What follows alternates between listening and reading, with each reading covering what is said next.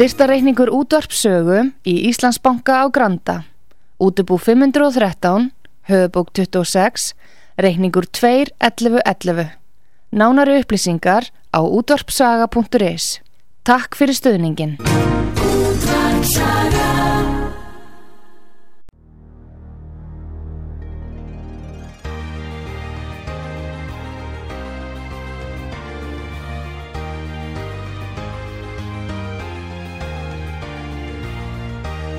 Heimsmálinn í umsjón Pétur Gunnlaugssonar. Fréttir og fréttatengt efni af Erlendum Vettvangi.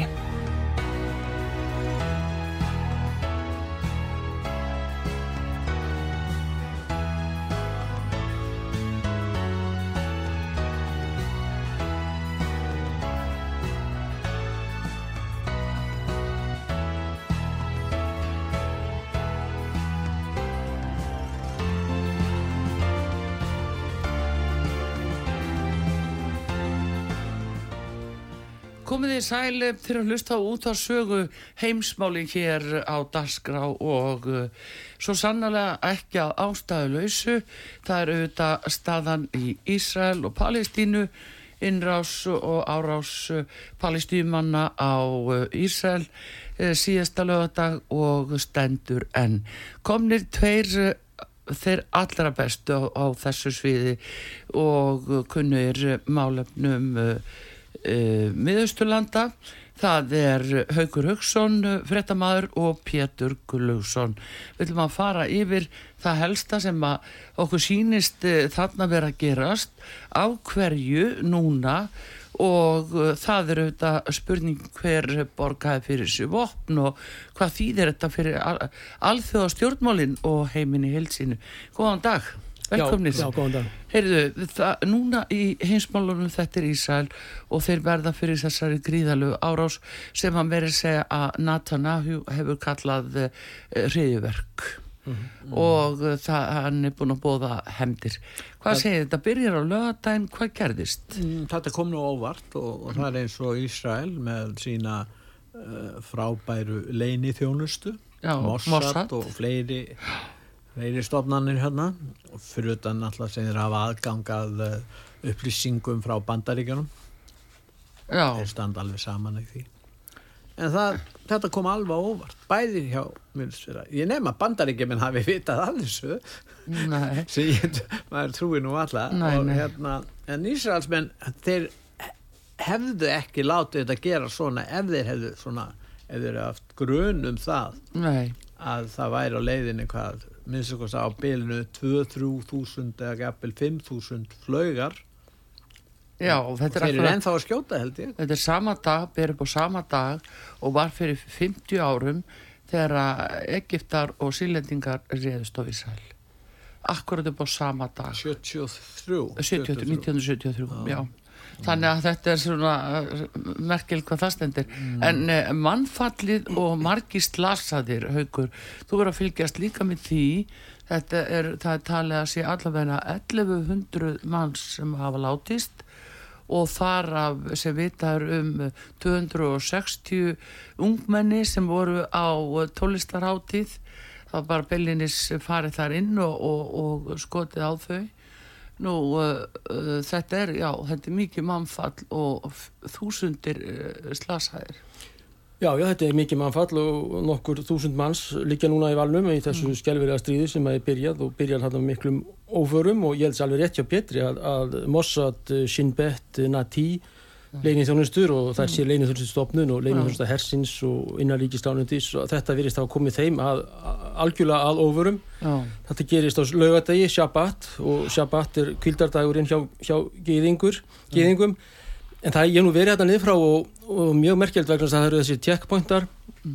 eða hlið og þar eru jarðsprengjubelti svo kallar drekatennur píramítar til þess að skrýdrekar geti ekki kyrt þar yfir. Já, margfalt uh, kontról þar sem margföld uh, tjekk, ef svo má segja, vondumáli á pössum, á þér sjálfum leitað alveg í bak og fyrir gríðaleg leit. Og í knessetinu er, er ótrúlega mikið leit líka í þinginu. Já, og þessi, þessi hlið og, og líkamsleit og bara meiri heldur á upplöfustu flugvöllum. Þannig að, að menn þarna með Kalasnikov bissur getur hlaupið inn inn á Kibutsi svæðin þar sem eru samirski búin Kibutsi drepið uh, 260 friðsum ungmenni sem eru á já, fríðarháttíð, písfestival og fríðartónleikum og slátra þeim eins og ekkert sé.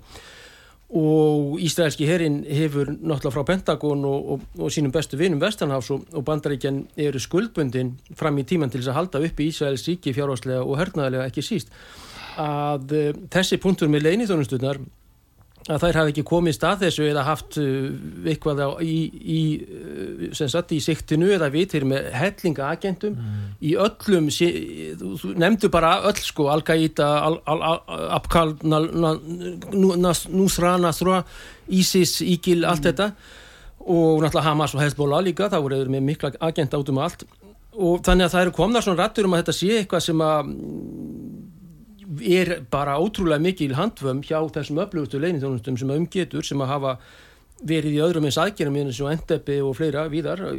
Hamas heldur því fram Hamas heldur því fram að Íran hafi lagt blessu sína yfir þetta fyrir nokkrum dögum síðan.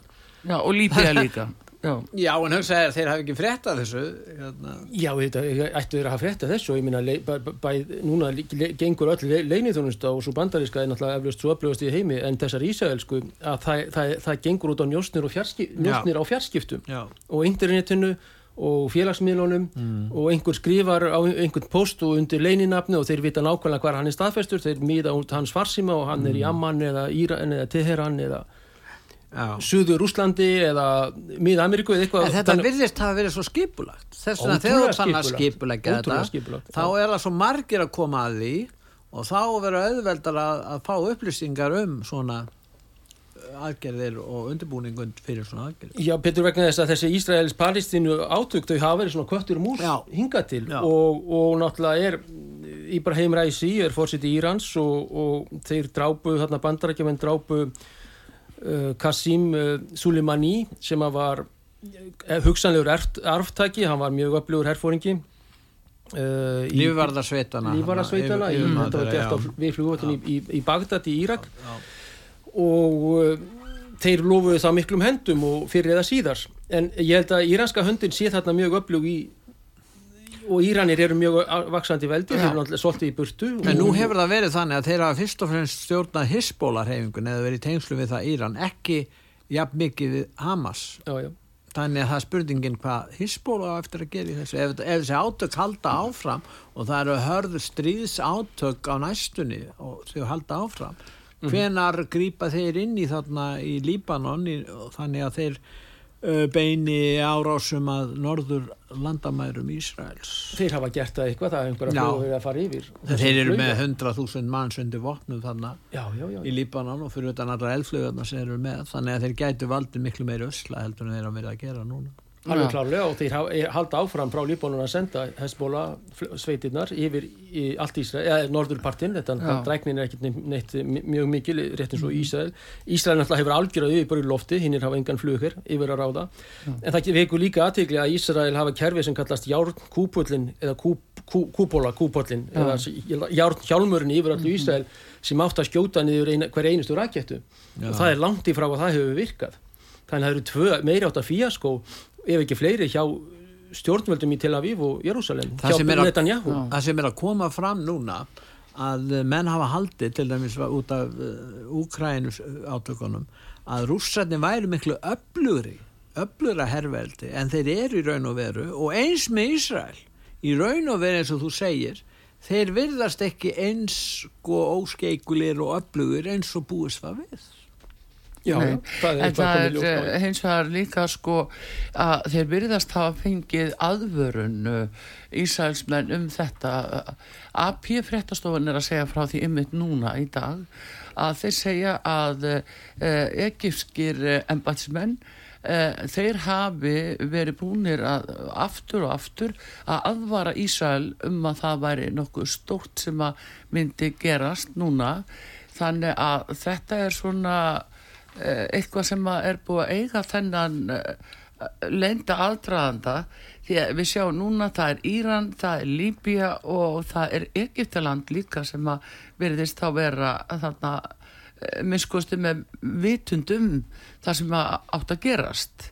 Og þá er náttúrulega spurningin eins og haugur, ég ætla nú að beina þetta í þín eh, vegna þess að við vitum að eh, bætin bandaríkjafórseti ákvað núna fyrir stuttu að eh, láta uh, Írani hafa 6 biljón dollara í peningum sem þið voru að endur heimta og með því fórorði að þeir myndu kaupa vopn og senda til Úkrænu og því var trúa að svo yrði.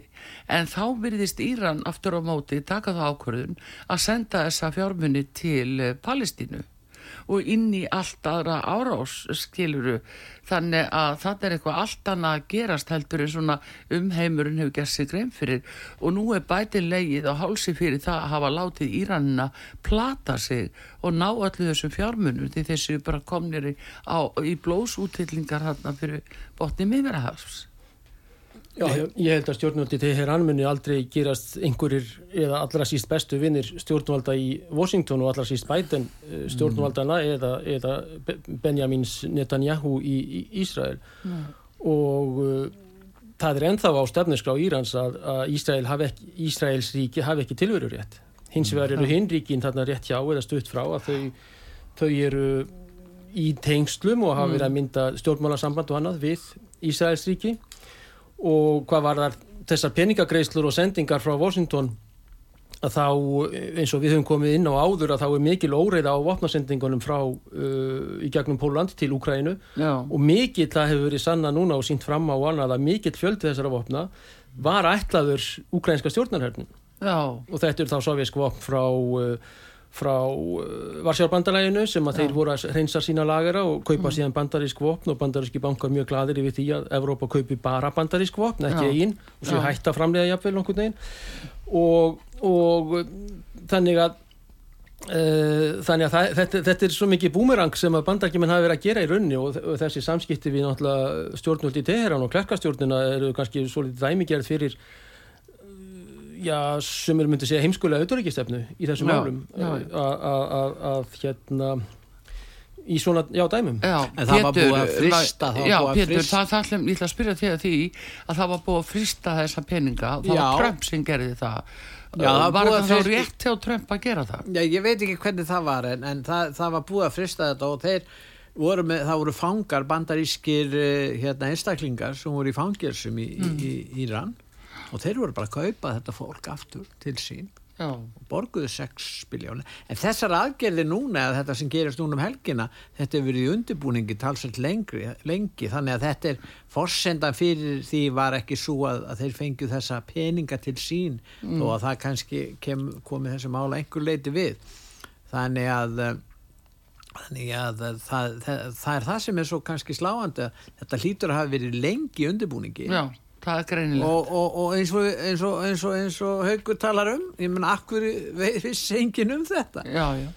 svona Vi... mikið og það er svona margi sem koma að þessu. Þetta er, þetta er já, svona sérkennulegt en, en að Íran þeir náttúrulega fagnaði, þeir listu því yfir að þeir væri ánaði með þetta Nú, uh, Palestínu arabar á, á, á vest í Vesturbakkanum lístu stöningi við þessu já, já. og um all arabaheimin þá eru mjög margir og, og til dæmis Afganistan talibaninni þar, þeir vilja komast til Ísrael að berjast, en þeir þurfa alltaf komast ekki þangað nei, nei. Eh, nema með samþyggi þessara landa. Og það er vist ekkert góð samskipti myndli Íran og Afganistan þannig að það er kannski erfitt fyrir Afgan ganska taliban að komast til Ísrael ef þeir alltaf fara að deyja þar fyrir, fyrir, fyrir trúna Já, þeir fara bara sem ferðamenni og kaupa sér túra Já, en þarna einmitt umfanginu þannig eru ferðamenn sem hafa látist Já. Og það er annað, það er gíslatakan. Já.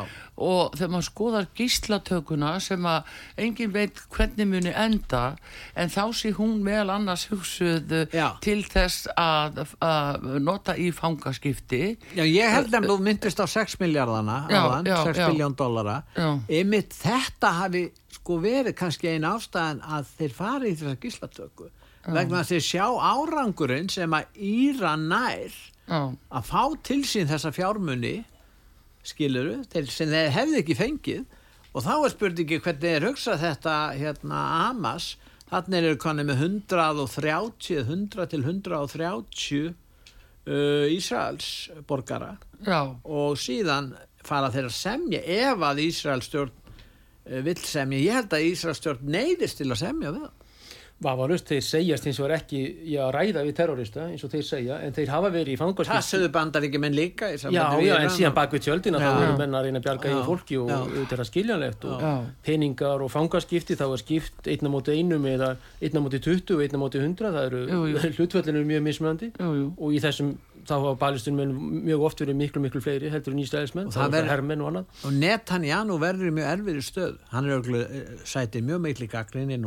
já, já. út af þessu. Það er komin Og- þjóðarstjórn já en það, það er mjög mikil óanæði með hann. Þess vegna neyðist hann til að semja um, við á um gísla.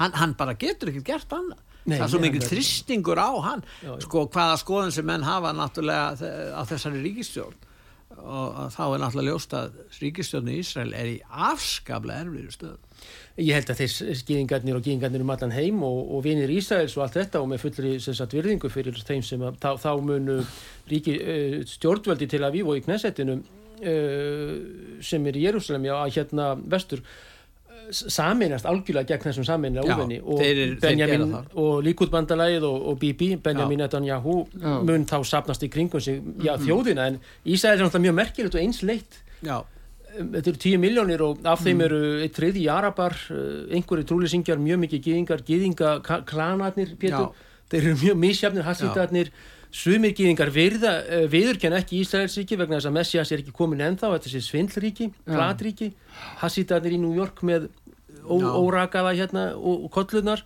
á Manhattan og Brooklyn og rí, uh, forríkir oft og mikið í, í gull, gullgerð og júvilíer og, og gullsmiðir og bankamenn og mikið í fjölmjölum vestanhafs og líka. Það búa, það Þannig- búa fleiri gýðingar í bandaríkjörnum heldur en í Ísrael. Nákvæmlega, já, já. Þannig við ættum að hafa það í huga líka. Já, en maður sá samt svo í gæri það voru svona yfirlýsingar frá þeim að, að þeir myndi ekki hætta núna fyrir að það voru búinir að, að, að sko fría uh, fría bæði Palestínu og síðan Jérúsalim Já, arabanir Já, það var sett á sama, sama stað, stað. Já, þeir, ég meina Al-Aqsa Moskvan, Artrúð, hún er hérna í austur Jérúsalem og, og, og eitt sem að Netanyahu eða hans innaríkisláþara skulum við segja, í hans ríkistjórn og líkút var að senda lauruglusveitir inn í Al-Aqsa Moskuna Já. sem að er fyrsta skipti já, ég meina Ísrael og þetta er 75 ára mm, konflikt, þetta er 75 ára deilur veginn, Ísland er stopnað upp úr stríði.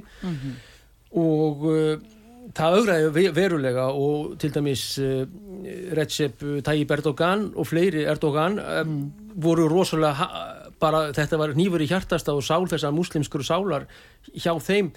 Að gera þetta þá voru bara kilfumenn og táraka sig hent inn í moskuna, inn í helgasta staðin þar sem menn er og teppum að by- byggja til Mekka og Medina já. og, og uh, það kannski var öðrun þetta var ekkit nöðsynlega aðgerð og hö- höfðu þeir sér sig síðan á brott en, en Jérúsalem er heilagur staður fyrir svo mörg trúabröð orthodox, armenana kristni og, og svo muslimana og auðvitað geðingana sem að eru þar og ráða. En Vesturlönd líta svo á að árásin á Ísrael sé árás hriðjöverkamanna. Já, já, Og þá er spurningin hvernig á, þeir líta, setja þetta á, á, á, á, á setja þetta þannig fram. Og þá er spurningin hvernig á að berjast við hriðjöverkamenn. Og Netanyahu segir strax eftir þessa árás að þeir ætla að hefna sín. Já, strax, að auga fyrir auga og tönn fyrir tönn. og þeir ætla að fara af stað. Og, hérna, og þá er spurningin hvernig? Og gö- göngum út frá því að, að menn fallist á það, gera það mjög margir Mm. að Hamas í hriðjaverka samtök hvernig á að refsa því?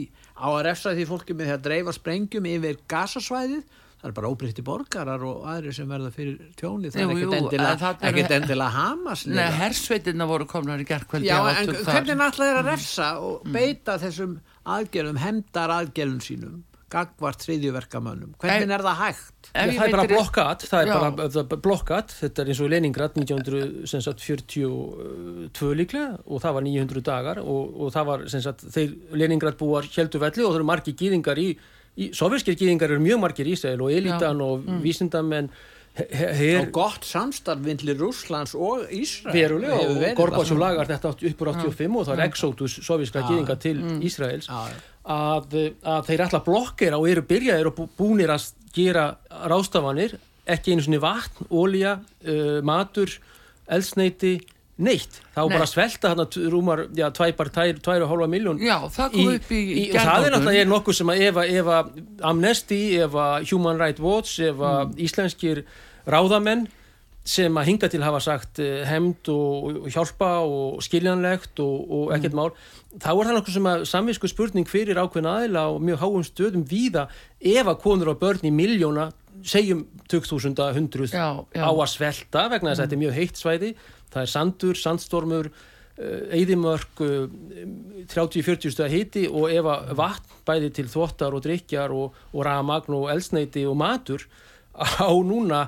sang, á uh, sangvænt ákveðnum stjórnvöldum og 21. öld í mm. Jérúsalem eða Tel Aviv þá er það svolítið svona humanitarian katastrófa Já, það var tilkynnt í gerðmorgun við taka allt rafmagna Palestínu og síðan stoppa alla matarflutninga þannig að Lyf. Eh, Já, lif, allt allan, allt Já, bara Þe, þannig að- þetta er nú frekar svona hörgulegur aðgerir svona, og það er ekkert neitt hart sagt hjá mér þetta er mjög En hvernig Já, já, hugsa er- Vesturlönd það og, og alþjóðasamfélagið að framtíð þessar fólks á gasasvæðinu eigi að vera? Sko, hvaða framtíð er fyrir fólkið? Er einhver framtíð fyrir fólkið á þessari á þessu svæði sem er svona rúmlega á starf við, hvað, Reykjavík? Og, og þar búa þar tvær milljónir. tvær miljónir pluss og, og, þeir geta ekkert gert þeir, þeir eru alveg háðir eh, hérna, Ísraelstjórn þeir geta ekkert í raun og veru þeir geta ekki uh, leitað til vatni, þeir geta ekki stunda fiskveiðar eða neitt, þeir, geta ekki gert í raun og veru. Þeir eru, eru er ósjálfstæðir. sko. Já, og þá er spurningin gott og vel sko, ef menn segja uh, og tala um hriðjuverkin en, en þá vaknar þessi spurning hvað geta þeir gert þeir geta hugsað sem svo, við viljum bara deyja með reist við viljum bara deyja með reist trúin býður það. Já, hún býður það líka og, og það kynntur það. og, og eða, hvernig hugsaður alþjóðarsamfélagið ég meina Ísrael verið þarna áfram gerir samkómula og samninga við sátana og svona yfirstjettina í miðausturlöndum og á bara gleyma palestínumönnum eða þeir bara vera lokaðar þar af og, og búa við þetta. Og það sem þeir eru að gera þeir eru, láta, þeir eru raun og vera að minna á sig og nota þá þessa hriðjuverkamenn eins og þeir eru kallaðar Hamas Já, í það. Hamas er náttúrulega búin lengi búin að vera þarna afl inn á svæðinu. Við tala um hriðverkarsamtök þeir hafa líka verið að hjálpa samfélaginu í ráðu fyrir. Ég man það á sínu tíma 1956 held ég, ég held að þeir eru konur að legg, legg þá. Þá var til dæmis höfður mjög góð samskipti við bandaríkin Hamas, Hamas, já, já. já það er mjög, mjög sko ef maður skoðar þessa sögu hún er Já. svona en á síðustu árum hefur eh, þetta þessu verið stilt þannig upp að hér séum að ræða harsvítu hriðjörgarsamtök og þeir náttúrulega eins og þeir haga sér núna þeir drepa þarna Já, ungmenni já, já, já, já. 200 ungmenni sem er á algjörlega- þetta er hörmulegt eins og allt þetta stríðsábaldi er að já, sjálfsögðu. En þá líka spurningin að það er, það er aðdragand að þessu og hvernig hugsa menn sér það? Hvað á að verða um þessa palestínum Einmitt, það, það- verða að tala, taka land af þeim vest, á vesturbakkanum já. Og, og síðan er staðan hérna í Gaza. Hvaða framtíð er fyrir þetta fólk? Það er ljóst að, að þessar lausnin eins og tveggja ríkja lausnin sem var búið að samþykja Já. hún er ekki lengur fyrir til staðar. Nú Ísraelsmenn vilja ekki samþykja þetta fólk verði bara hlut af Ísrael bara það er alltaf verið að tala um fjölmenningar það ekki? Og aðlugun, akkur gerist það ekki þarna? Sko, þessir palestinumenn eru ekki ólöglegir hælisleitendur.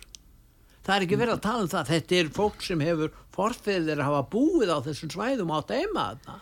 Já, þannig að, að það er spurningin hvað, hvað hægt er að gera. En svo blandast trúinni í þetta og náttúrulega þessi gífulu ítök og áhrif og völd sem að, að gefingar hafa við það sem að veldu sá- því að menn vilja ekkert setja sig upp á móti. Ég sá einmitt uh, sko í ellendum fjölmjölum í gær þá verið að tala við ímsa svona sérfræðing og þessu sviði sem að, bæði í Norðurlanda og Bandariska og fleiri.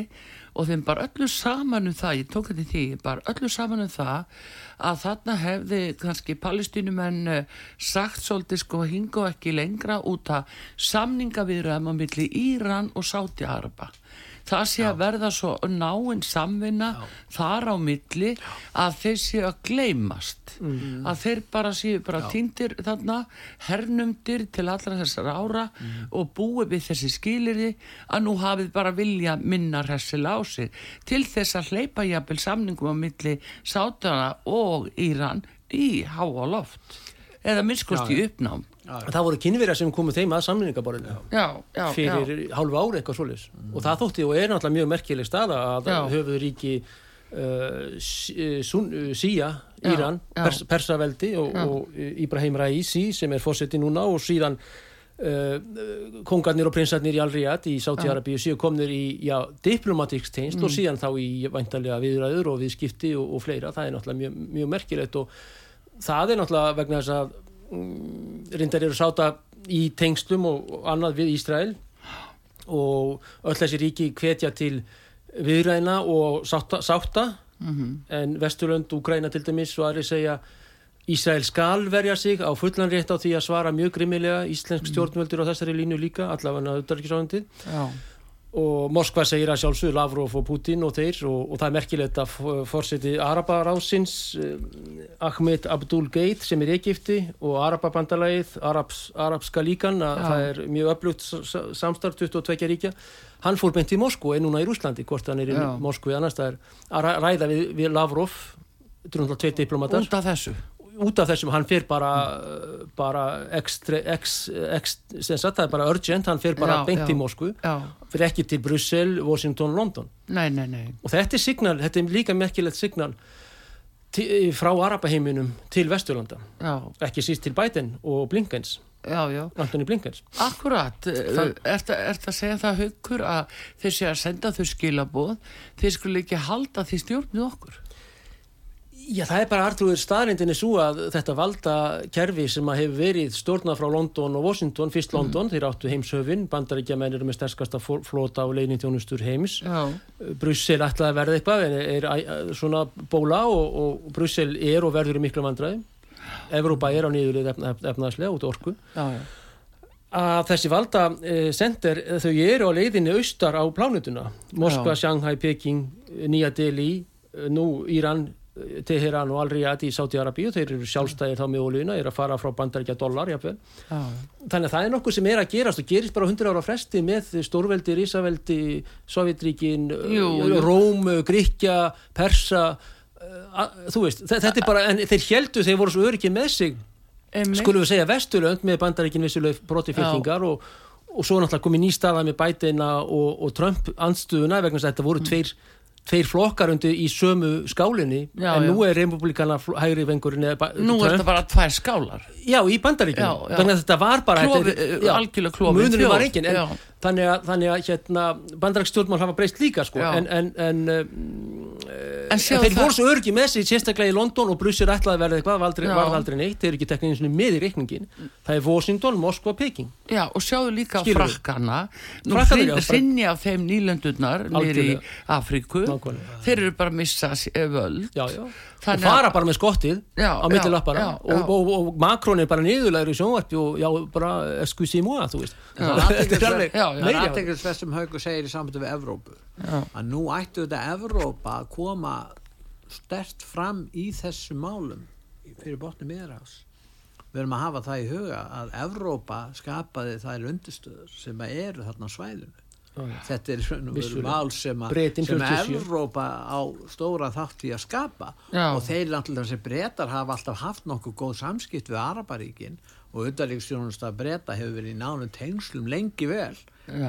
en það hefur sko við sjáum núna hvernig áhrif Evrópu fara síminkandi meðal annars út af Úkrænu Já, þannig að þeir hafa ekki náð eins mikilvæg samstöð eins og búist var við. Þar eru það bandaríkja menn, brettar og pólvererjú sem eru svona elstu leikendur og persónu þar en ekki stóru evrópsku ríkin. Og, og síðan í þessu máli þá heyrist valla í Evrópu hérna, hva, hva, hvað segja þjóðverið út af þessu? Jú, þeir fordæma það sem kalla innrásina. Þetta er alltaf ekki innrás á utan þetta er, er uppreist innan Já, já. svæðisins. Já, þannig að það spurningin sko þetta er svona affjúpar þessa veikleika sem við sjáum í Evrópu Já, Því miður hérna ég, því Pétur að Evrópa, þetta er ekkert gott fyrir okkur hér. Nei, en ég sé að núna á að, þetta, að sko. Pétur að hérna, það er neyðarfundur hjá auðvitaðrikiðsáþurum Örbusambassins á Já. morgun Já. að vera að kalla saman, núna sé ég bara alla auðvitaðrikiðsáþur eins og skot Mm. á, á neyðarfund út af Örbu sambandinu og hvernig þeir eru að bregðast við því eins og þú ert að benda á þá er þetta náttúrulega enn eitt höggið fyrir Európu og meilandið Já, það hvað þeir eru áhrifa litlir eftir Já, að, að þetta eftir að hafa- já, já. eftir þetta er, þá er jú Biden, hann er að senda flugmóðurskip ég veit ekki, hann, þetta eru strax komin á staði, það var nú einhver efastund að hvernig hann hægt væri að koma því strax á stað, þannig að þeir að við vita kannski um þetta, ég er ekkert að segja það en þeir eru komað þarna með þetta er stærsta herskip í heimi sem þeir senda þangað. flumóðskipi, Já, það er með já. kjarnarkuvopn Já, ábyggilega, ábygg, þeir segja nú aldrei frá því, þú veist það. En ef þeir sökva því, Artur, bara örstutt gera US, US ship U- United States ship í USS uh, Gerard Ford, Gerard Ford að ef að því verður sökt þarna Já. og það þarf ekki nema fjórar, fimm uh, silkjórma sem er kínversk framleysla sem að kínverðarnir hafi verið að gefa írununum nokkuð neyr. Ef að írandinir eru komin með þetta á Gaza Já. og Gerard Ford verður sökt á miðranhæfinu þá bara verður komin kjarnorku Já, sko, og, verður og, komin. og, og það, það, þessir drónar, kínversku silkjórmar eru gríðilega öflugir Tala um Þannig að bara það örstutt, við- sko, En sjáðu já. hvernig staðan er, þeir eru bandaríkjumenn eru komin þarna út af Úkrænustríðið þar eru þeir að tengjast eh, þeir hafa verið um óbein eh, aðilar en núna er spurningin eru þeir að færast út í að vera beinir aðilar? Nú sjáum við þetta í Ísrael sko þessi staða er mjög Þetta er- Þetta Mjög styrkir rússan, þetta styrkir Putin í Ukraínu Já. og veikir Zelenski og hans stjórn alveg klálega þannig að það verður líka nýtt, Já, scenaríu þetta er mjög, alveg veikir. Bara ótrúlega friðastöðin í heiminu Já, það er komið að auðlýsingum hér á útarpi sögu í heimsmálunum. Aldilis allt á flegiferð hér og ekki ástæðuleysu og við erum auðvitað að tala um árás palestínumanna á Ísrael og höldum áfram eftir auðlýsingar.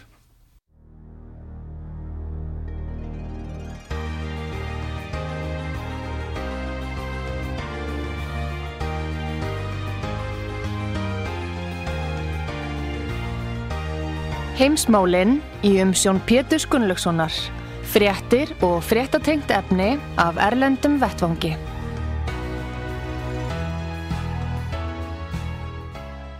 Komið þið sæl aftur heimsmáli hér í dag eh, Ísrael, Palestína það eru hér þessi góðu sérfræðingar Haukur Hauksson og Pétur Gullaugsson og Artrúð Karlstóttir talar við þá um eh, stöðuna sem er uppi í núna í Ísrael og hvað er að gerast í eh, raunverulega þessum heimsluta við erum að reyna að lesa í það svona eftir þeim fréttum sem við erum að fá núna á hverjum klukkutíma nánast en uh, Við eh, vorum meðal annars að tala um hér áðan eh, það með þessi vopp sem að er að koma sínilega frá Íran og uh, haugur, ég rifja upp ímins uh, samtöl sem við áttum í ellendu fréttanum eða í heimsmálunum árunni 2015 og 2016 og þá vorum við að tala um vopnaframleyslu hjá Írunum Já, já. og þú varst að lýsa því hvernig svona þeirra uh, framsýna verk var það var náttúrulega flesti þekktu bara einhverja sprengjur og, og, og skotvopn en þarna varst þú að tala um nýja framleyslu á þessum hættulegu drónum sem að sennilega eru í þessari notkun núna Já, þetta það er talað um eldflögar eða stóra rakettur sem alltaf eru bílskúrsframleysla hjá þessu, þessum tveimur miljónum fólks í Gaza sem hefur lítið hann að gera og, og hatrið á Ísraelsíki, Ísraelsmönnum, gýðingdómi, gýðingum og öðrum er gríðalegt hjá þessu fólki Já. og ekki, neitt sem hefur verið gert og tekist til þess að bæta úr því og koma á sa- samkomulagi og annað.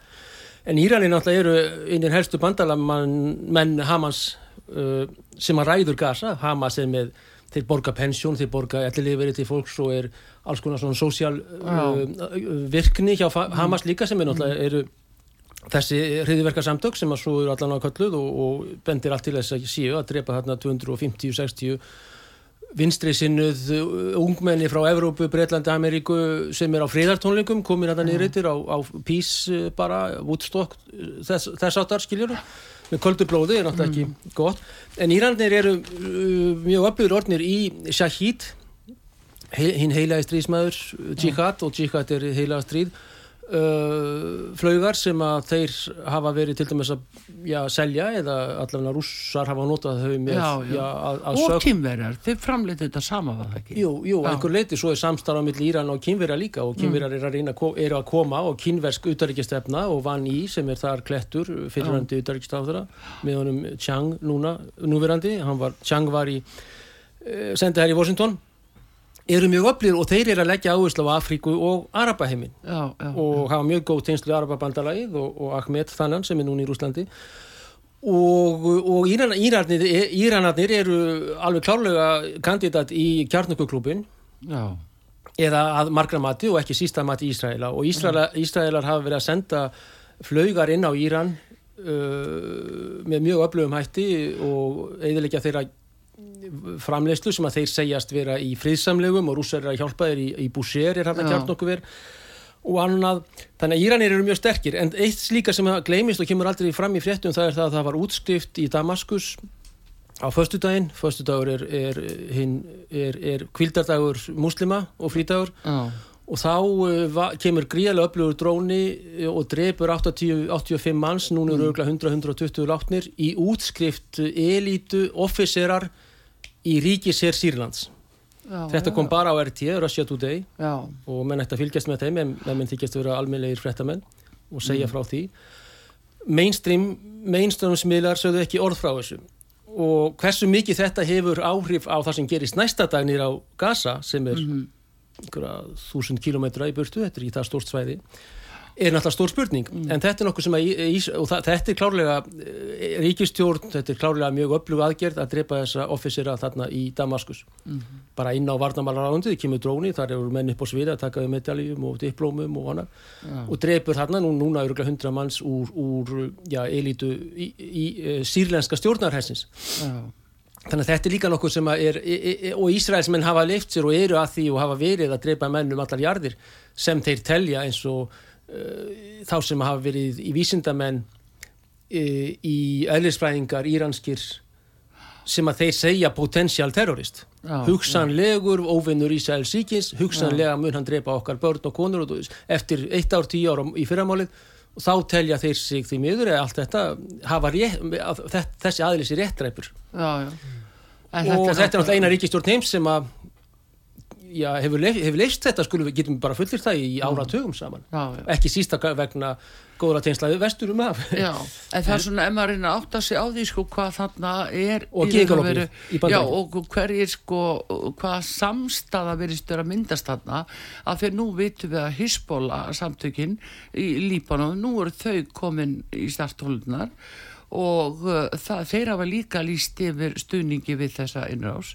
Eh, er líklegt að, að þeir komi bara með næstu næstu guðsu yfir Ísrael? Það var þannig að, að Biden lísti því yfir að, að ef einhver ætla að nýta sér þetta ástand Já. nágrannaríkin að þá verið tekið mjög hart á því. Já, Nú, hvað, það er nágrannaríkin eru Jordania og Egistaland þeir gerðu samning við Ísrael á sínu tíma sá samningur í fullu gildi? Já, já. það er spurning hvað þjóðirnar þar hvaða skoðun menn hafa, Egiptar almennt og Jord, þannig að má búast við því að margir þeirra hafa samúð með uppreisninni í Já, Gaza. já. Og, klárlega. og mjög líklegt. En síðan er það sillendingar þeir hafa ekkert gert neina sam, neitt samning við, við, við Ísrael já. sem þýðir það þessar bara ágreiningur er ennþá um þessar gólonhæðir og fleira. Og það er engin samningur raunum við Líbanon. Það er náttúrulega búið að vera upplaust þannig að maður segja að það er um að vita hvað gerist eh, en, en uh, það er ólíklegt að Egiptar fara að blanda sér inn í þetta og Jórdan Já, við veitum sjáu- ekki með Sýrland það er náttúrulega upplaustan ástand og Þeir svo náttúrulega já. hreyfingin í, í Líbanon Já, já. Já, já. Ég En nú hefur Líbanon verið sko ekki náð sér eftir innrásina sem að bandalastjóðunar við þegar að leiðandi Íslendinga létu nú plata okkur inn í það að- að að ráðast þar á. Þannig að þetta er svona, þetta er náttúrulega mjög, mjög uh, erfið staða. En eins og ég var að segja áðan, það er nú bara svona 30 mínútur síðan að það var sett inn, þarna frá AP fréttastofunni, að uh, egipskir, egipskir hérna, embættismenn hefðu uh, líst yfir að uh, þeir hefðu verið marg ítrekka búinir að vara Ísrael við. Þannig að sjáu þið bara hvernig getur verið að gerast miklu þingri hlutir hérna á svæðinu þannig að ymbirins og þetta breyðist út á milli landa. Já, Egiptaland hefur náttúrulega held ég engan ávinninga af þessu stríð og þetta er hérna þessi ræma þarna er við Sínæskagan og, og Gaza Já. uh, landamærin að Egiptalandi annars er það innilokað af Ísraels ríki og Það er ekki fósitakostningar í Egiptalandi núna og það er alltaf einhver að endur að á endur kjöra aftur úr þessum herfóringja armi Jú, jú. Egipta, samfélagsins Jú, jú, sem að ræður þarna mjög miklu. Abdel Fattah al-Sisi hann Já. er alveg öruglega endurkjöri Já. og hann er í miklum tengslum við rússana til dæmis. Já, og aðra og, og síðan er það var- sem er fátætt land fátætt konusríki og Konungsríki. þeir hafa mjög lítið að segja. Það er búa margir palestínumenn. Miljónir flóttumann Já, og það, það er það sem Ísraelsmenn hafa sagt. Ég menna, palestínumenn hér í Ísrael geta bara farið yfir til Jórdaní já, já. það er svona þeirra En, en margir þegar maður spyr í hérna, palestinumenn eða arabana í Ísrael og þeir tala vel ennsku og allt þetta Já. þá er mjög svona löngsvör og þeir útskýra lengi ég vil vera í Ísrael ég vil ekki fara til Jórdaníu í flóttamannabúður ég er sirlendingur frá Gólan eða eitthvað Já. sem að Ísrael hertak og hafa aldrei skila 67 og þeir byrja að útskýra mjög lengi að maður að tala við á bara kaffihúsið gutum úti að þeir vilja vera innan Ísraels en hins vegar hafa þeir samúð með palestinumönnunum en vilja halda í Ísraelska passan já, já. Og þeir eru ríkisborgarar Ísraels og minna Ísrael er arabiska líka sem ríki, þá erum við að tala um þessi ríkismál 20% sem eru Já, það er já. bara í Ísrael Já. sem eru ríkisborgar já, ríkisborgarar Ísraels Já, já. og, og arabiska er eitt af, af ríkismálunum Já. í Ísrael þannig að, þannig að og þeir hafa borgarréttindi til að fá að kjósa og það eru flokkar og, og jafnvel var kommunistaflokkur í Knessetinu þegar ég var þar fyrir Já. mörgum árum þegar Arafat dó, þá var ég á, eða fór til Ramallah, var á Kýpur já. Og hérna og hann var arabis á náingi og, og í Knessetinu, lítill flokkur Já. líkút er stæst, já, já. þing Ísraels en hérna uh, það er hins vegar tengist þetta uh, sko ef maður hugsaður um Íran í þessu haugur og sátana tengist þetta BRICS eitthvað Já, þetta er mjög góð spurning, Arþóður, vegna þess að Þessi... þessi... nú eru þeir bara að taka gríðarlega völdi sín Já, er náttúrulega er að verða, Brasil, Indland, Rúsland, Kína, Suður, Afríka er, að- er að taka meira og meira afkökunni og þetta er stæsti hluti jarðar, sem sagt hvað var það mannfjölda og hel- helmingur jarð, jarðabúa Já, nokkur neginn, það er náttúrulega þrýr miljardar sem er Indland og Kína. Og gríðar svæði og 70% af auðlundum já, og það því að Rúsland og Sýbirja eru, eru, eru, eru þarna. Þannig að þessi lönd hafa verið að banka upp á hjá já, Íran og Sáti-Arabía sem er vissulega mjög mikið áhugjöfni fyrir já, sérstaklega við elítur Vesturlanda og uh, Transnational Corporations risa fyrirtækin já. í, orku og fleiru. Og uh, þeir eru með 80% af hvað allri olju Já, eitthvað slíkt Já, sko, og gasi já. og öðru og, og ég meina, já, já, það eru auðlindir aðra annað, í Norðursjó og Bandaríkinum eru miklu, miklu, miklu minni og annað. Og Kína ekki síst sem að leita til rússana, þannig að það eru vaksandi veldi á efnahagslega, pólitíska og diplomatiska sviðinu sem að menn hafa áhugjur af Já. nú að þetta ég að koma fleig inn í bríks samstarfið myndi ég ekki sjá fyrir að gæti gerst en þetta er náttúrulega mar margt til í mörgu í þessum málum en, Mm. en ég minna Arapaheimurinn er að verða mun sjálfstæðri og hann er algjörlega að færast. Já, hann er að halla sér, halla sér upp að öxlinni í austri. Já. en hann var alveg í famlagi við öxlina í vest, vestri. Já. þetta er staðnind með Arapaheiminn er það ekki en það- vegna þess haugur að, að margir þar í, í þessu, á þessu svæði lítur svo á, lítar svo á að Ísrael haga sér eins og nýlenduveldi. Jú, jú, það er það sem að, að og það er náttúrulega það er að verða mikil breyting þarna. Við sjáum það svo víða, ég meina það eru nokkur lönd í samveldinu sem vilja slíta því.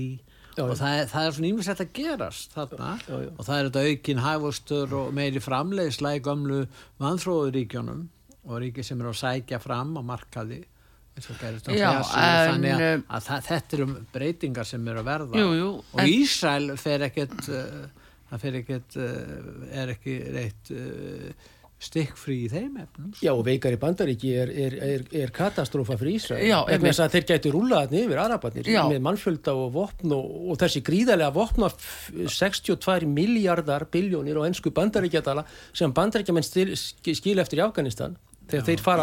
Já, já. Og svo þetta úkrænundæmi þar sem að minn en helmi, það er talað um ótrúlegar sumur sem að fer framhjá og, er, og það er staðrind að, að gríðarlegt magn þessara vopna er frá Úkrænu og svo þessi Afganistansfaktor sem að bara gráir fyrir jatnum talibanar á já, já sem að bara olmir vilja komast í jihad í heilega stríð. Já, en það er, er- einmitt- já, er okkur þetta Logistík vandamáli. að eh, ef við lítum ymmit á Bryggs og aftur á Íran að þeir taka móti öllu þessu fjármunum frá bætin og uh, í þeirri trú að senda þetta til uh, Úkrænu, kaupa vopn og, og hjálpa þeim. En þá eiginlega má segja Íran þeir bara svíkja, svíkja lofurðið og, og bætin er mjög leið að hálsi hafa látið plata sig núna, það er nú umræðan í bandarækjónum en þá þessi stað til að koma bandaríkjónum illa að þá sé þessi ringur farin að Palestína verði sem gerir árásuna á Ísæl af því það kemur sér svo illa fyrir bandaríkin Já, hataðasti óvinnur Írana er náttúrulega Ísraelsríki pluss bandaríkin Já. sem þeir sé að stjórna af síónistum og gýðingum og, og, og hatriði gríðilegt frá til Heran til, til bandaríkina þannig að þeir allir þeir, það allir þeir ger ekki allt til þess að koma í, þeir, að höggja á þá og ef að þeim hefur tekist að, að plata bætin sem að stendur þá um, í vo- vondri stuði fyrir framann umheim með þessum hætti Já, þá, það, bandaríska þingi er nú stjórnlöst núna í augnablikinu Jú, jú, Þannig McCarthy Já, þannig að, að það við tengin sko hvað gerist bara með bætin ég menna verður hann tilkynntu bara veikur í framhaldinu Já, já. þú veist þetta er bara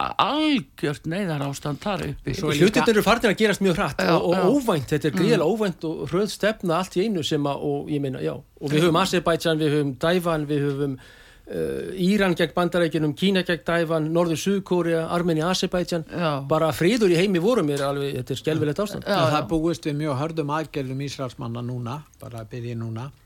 Og þessar hörðu aðgerðir gætu vakið upp samúð hjá múslimum út um allan heim. Og í Evrópu líka. Og þar eru sko jú, meiri hluti og, og flestir múslimar eru friðsamir í Evrópu en það er ekki allir og þá er spurningin hvort að þetta geti vakið upp uh, sko ákveðna hriðiverk og okkir í Evrópu. Já, það stendur okkur mjög nála Já, vegna þess að, að eins og ég segi, þeir telja að Evrópa ætlar að standa með Ísrael og, og líst því yfir og, og síðan verður þetta, sko, ef, ef, ef þeir ráðast þarna inn, í, í gasasvæð, inn á gasasvæðið og þar verður svona að verða blóðsúthellingar Líflegar og, en það- og þá, þá bunni sko ýmsir múslimar sko og það er þegar byrjað, við Já. sjáum það og þeir hafa samúð með sínum trú, Jú, jú, en það var þetta kom einmitt fram í og nótt að, að það var eh, út með þessari gíslatöku þá lístu þið líka yfir að þeir færu sömu leið og gerðu það sama og Ísis. Já, þá fara þeir að tala um heilagt stríð Já, og ég nefn taka svona höggva hausinn af einum og einum og fyrir framann alla og senda þá í pókum tilbaka og þetta eru sömu aðferðirnar Svo er líka spurningin hvað þetta- öflur ríki Arab, eða múslimaríki eins og til dæmis Tyrkir, hvað gera þau? Þeir eru alveg klárlega með, með, hérna, með, þeir eru í einhverjum tengslu við Ísrael og Azerbaijan er sjáum meiri, en þeir eru með Palestínu. Já, en þá er spurningin kurd, með hvað með kurdana og, og Tyrki við- við sjáum líka. Já, við Já. sjáum líka að Azerbaijan sem var að, að, að, taka yfir ákveðin svæði frá Armeníu. Þeir, þeir, þetta gengur mjög vel hjá þeim. Þannig að múslimum gengur mjög vel að ná fram sínu markmiðum og Tyrkirnir stuttu Azerbaijan í því. Já, já, það er spurning núna í þessum málum hvað er að gerast Þetta er vaksandi aflöð, þetta er alveg rétt Já. hjá Petri. Að að Úrsula von der Leyen segir Ísrael bara má drepa eins margaði vilja í rétt mætum herndar og Já, svara ég reyndar, þetta er ekki nákvæm nei, en hún nei, segir nei. þetta, hún er bara, og Ísraelski fánin og Davíðstjarnan er á, utan á öllu Evrópu stóru blokkinni hann í Brussel. þetta er svona eldfim Vaktandi, sem er gríðarlega. og menn ættu kannski að sko. sína meiri hófsemi En veru hitt er hann að mála að það er alveg sama hvað ríki það er. Það er náttúrulega algjörlega ólíðandi að, að þarna geti komist líka ára óskvæð sem hún er flokkast undir riðverka eða eitthvað annað. En það sem að bara saklusi borgarar eru Já, bara að breytja það niður. Unga fólki tekið í gísling og engin veit hvað verður um það. Þannig eru ferðamenn að falla. Já. Þannig eru byggingar og alveg hróðalega árás. senda vél til Jordaníu til að sækja Já, Íslendinga. er nú að því núna þeir komast frá, að því að nú að rekna með myndu eðilegja flugullin Þeir eru komnir til Jordaníu en þeir eru komnir yfir til Jórdaníu þá ættu þeir að komast í kvöld. En það er hins vegar flugullurinn er að uh, allt eins að þurkast út í þessum tölu orðum í Ísrael altså Ben Gurion Já. var undir, það voru árásir á hann. Já, já, já, já, það er í miði Ísrael. Já, já en þetta er svona Þetta er, og þessar að- sofandi selur, ég held að það sé sem að Pétur var að minnast á í lókjum að, að Já. þær geta vaknað núna í Evrópu og þær munu Já. verða vaktar og munu vilja vakna og þarna eru jihadistar í, á, í þúsundavís Já. þetta eru menn sem að þessar landaflutningar miklu. Og ekki þetta eru gleym- menn að besta herskildu aldrei og Artrúð. ekki gleyma þessum stöðuga flóttamannaströymi við vitum ekkert um þetta fólk. Er nákvæmlega. Að koma við að og, og mjög margir þeirra eru múslimar. Já, já. Jú, eftir sem að náttúrulega átöngin breyðast út Já, við vitum þá, þeim er um meiri þetta fólk. líkur á náttúrulega enn frekari flóttamönnu, það gefur auðvitað alveg klálega og þeim eru bara að fjölga. En það er spurning líka Já. að uh, sko, við hér í Evrópu þurfum bara að standa saman í því að, að láta ekki bara rústa Evrópu. Á, á, og yfirtaka Evrópu. en er verður krafum það að, Ís, að Evrópa taki á móti fólkinu frá Gaza Nei, Evrópa verður bara... Já, hver annar Pétur, ég minna, og þetta verður Já, en þá þvílík segi ég nú bara eins og Metti Friðrisen, fórsættisráður af Danmörkur, hún vill bara múri kringum en núna. Já, jú, en, en ekki dregur það nú vantilega úr Nei. henni að fara fram á það, fá múri kringum Evrópu til að forðast að uh, þessi yfirgangur eigi sér stað. Því það er náttúrulega nær ekki nokkur átt að Evrópulöndin og- sem að eru núna sko að berjast við orkuskort og, og bara missa sinn yðnað og framleiðslu og annað, það náttúrulega gengur ekki að það verið bara endalust held þar yfir. Og fólki gley- frá framöndu löndum. við skulum ekki gleyma því að það er engin öflugu leiðtói í Evrópu. Símiður. uh, Macron svona reynir að taka sér hlutverk hann er, en, Já, hann er náttúrulega alveg hann er, og- hann, fæti hann, er, hann er náttúrulega miklu merfileikum eins og það minnast í Afríku við Já. en sko málið það hvaða, hvaða öflugir leiðtógar eru í Evrópu til að taka á svona mál þeir eru bara ekki til stað svo er bætin í Washington. Bandaríkjumenn standa miklu betur að víja öllu leiti þeir hafa út af orkun og öðru. Þannig að og það er vaksandi einangrunar higgja þar. Þannig að þeir geta loka sig af. En Evrópa hún, hún er berskjöld Rússland er stærsta ríki í Evrópu landfræðilega. Já, landfræðilega, já, Putin já, og, og já, já. hérna en að þeir eru að reyna núna að koma á, á þessum hérna en það er bara það sem hefur verið að gerast Mm. og Putin og þeir, þeir segja ef að fólk ætlar að flytja til okkar lands Mm. þá verður það að kunna málið, læra það og, og virða okkar og einhvern svona- terrorismi og, og, og annað, uh, ghetto, klíku narko, myndun, það er bara ekkert liðið í þessu landi og kannski, og hann er ekkert á sér í glóbal og eh, fræðsla fyrir börn og fjölbreytni og allt þetta sem heitir núna afarinkynlegt og fleira Já, það er það er allt annað mál sko Já, einmitt. en þess vegna kannski er hann svona hattar út af því og, Já, já. og, og hérna bara er og þeir eru líka í bríks En fóristu það, ríki þetta líka haugur sem að er að leggja drög að, að, að miklu skemmtaverki á að bara öllu ungu fólki í Evrópu og Evrópu stendur mikil ógn af þessum fíknefnum sem að flæða yfir álfuna og, og frá uh, og já, bara Latin-Ameriku og uh, hva, Afganistan þessuna ég menn þetta kemur uh, flæðir yfir okkur. Það er mjög líklegt að og, og, og á þetta þurfum við nefnilega á Vesturlöndum að segja nei, vendum unga fólki, komandi kynnslóðir til þess að þetta verði ekki bara búið að að lendi klónum á þessum öflum sem eru bara umturna öllu og því var Frakland því er ekkit Frakland í dag. Eh, þú veist, þeir segja þetta sjálfur Frakkar ég veit það. Þýskaland hefur breyst gríðarlega. Já, já, en þeir eru nú rosalega óhressir í Þískalandi með þetta margir. Þetta ástand sem er orðið já. núna út af þessum málum, bæði Úkræni og svo núna í Ísrael, verður til þess að þeir stjórnmálamenn sem vilja meiri samruna en að Evrópu munu fá beir, betri áheyrn og nú fara þeir á fullt Evrópubúar að reyna að auka samheldina og samrunan innan sambandsins og reysa sín her, reyna að leggja meira til herrmála því að þeir líta svo á að, að þeir viti ekkert hvað þeir hafa bandaríkin í framtíðinni og, og þau eru algjörlega það. best skjöldu nei, þeir hafa alltaf Þeir geta kemur ekki að því- treyst á það. þeir hafa alltaf treyst á Já. það ekki bara að hafa það og heldur líka að láta það borga fyrir þetta Já. því að Evrópa hefur byggt upp sitt velferðakerfi og, og, og, og, og, og annað meðal annars með því að leggja mjög lítið til varnarmála Já. og bara að Það er lifa nú- í skjóli þess að bandaríski skattgreðendu væri að greiða fyrir, fyrir, Það var nú það sem varnir í eh, Evrópu. og nú er sá tími liði það, það mun ekkert Nei, nei, en Halda það var nú akkurat þetta Pétur sem að Trump talaði um og allt alltaf er vittlust að verða. Já, já. en e, það var nú þetta sem hann varaði við. Ef þið ætlaði að verjast og þá skulle þið byrja á því að borga fyrir þá hjálp sér að falast eftir og varnir og leggja meira til.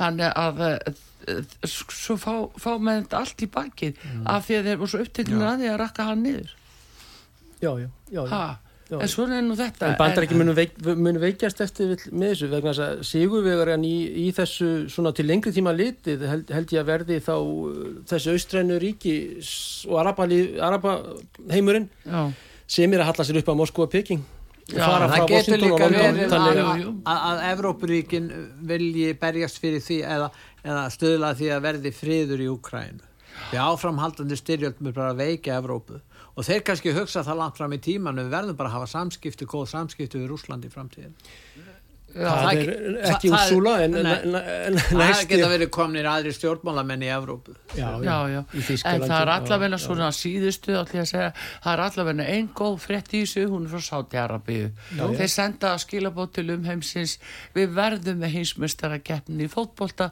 2034 Já, já. þrátt fyrir þetta sem er núna glæsilegt, þannig að það geta allir glaðist yfir þeirri frétt já, já. gerum það öðru leiti bara hérna vonum við að uh, þetta uh, endi einhvern veginn og við sem að leggjum áherslu á frið. Það verði bara En- vopna hér Já, en þökkum fyrir hérna og heimsmálunum í dag Artrúð Kallstóttir, eh, Pétur Gullusson og Haukur Hauksson. Við þökkum ykkur kella fyrir og ég ætla að vekja aðteglikar á því að hér á eftir þá ætlum við að eh, eila minnast hrunsins.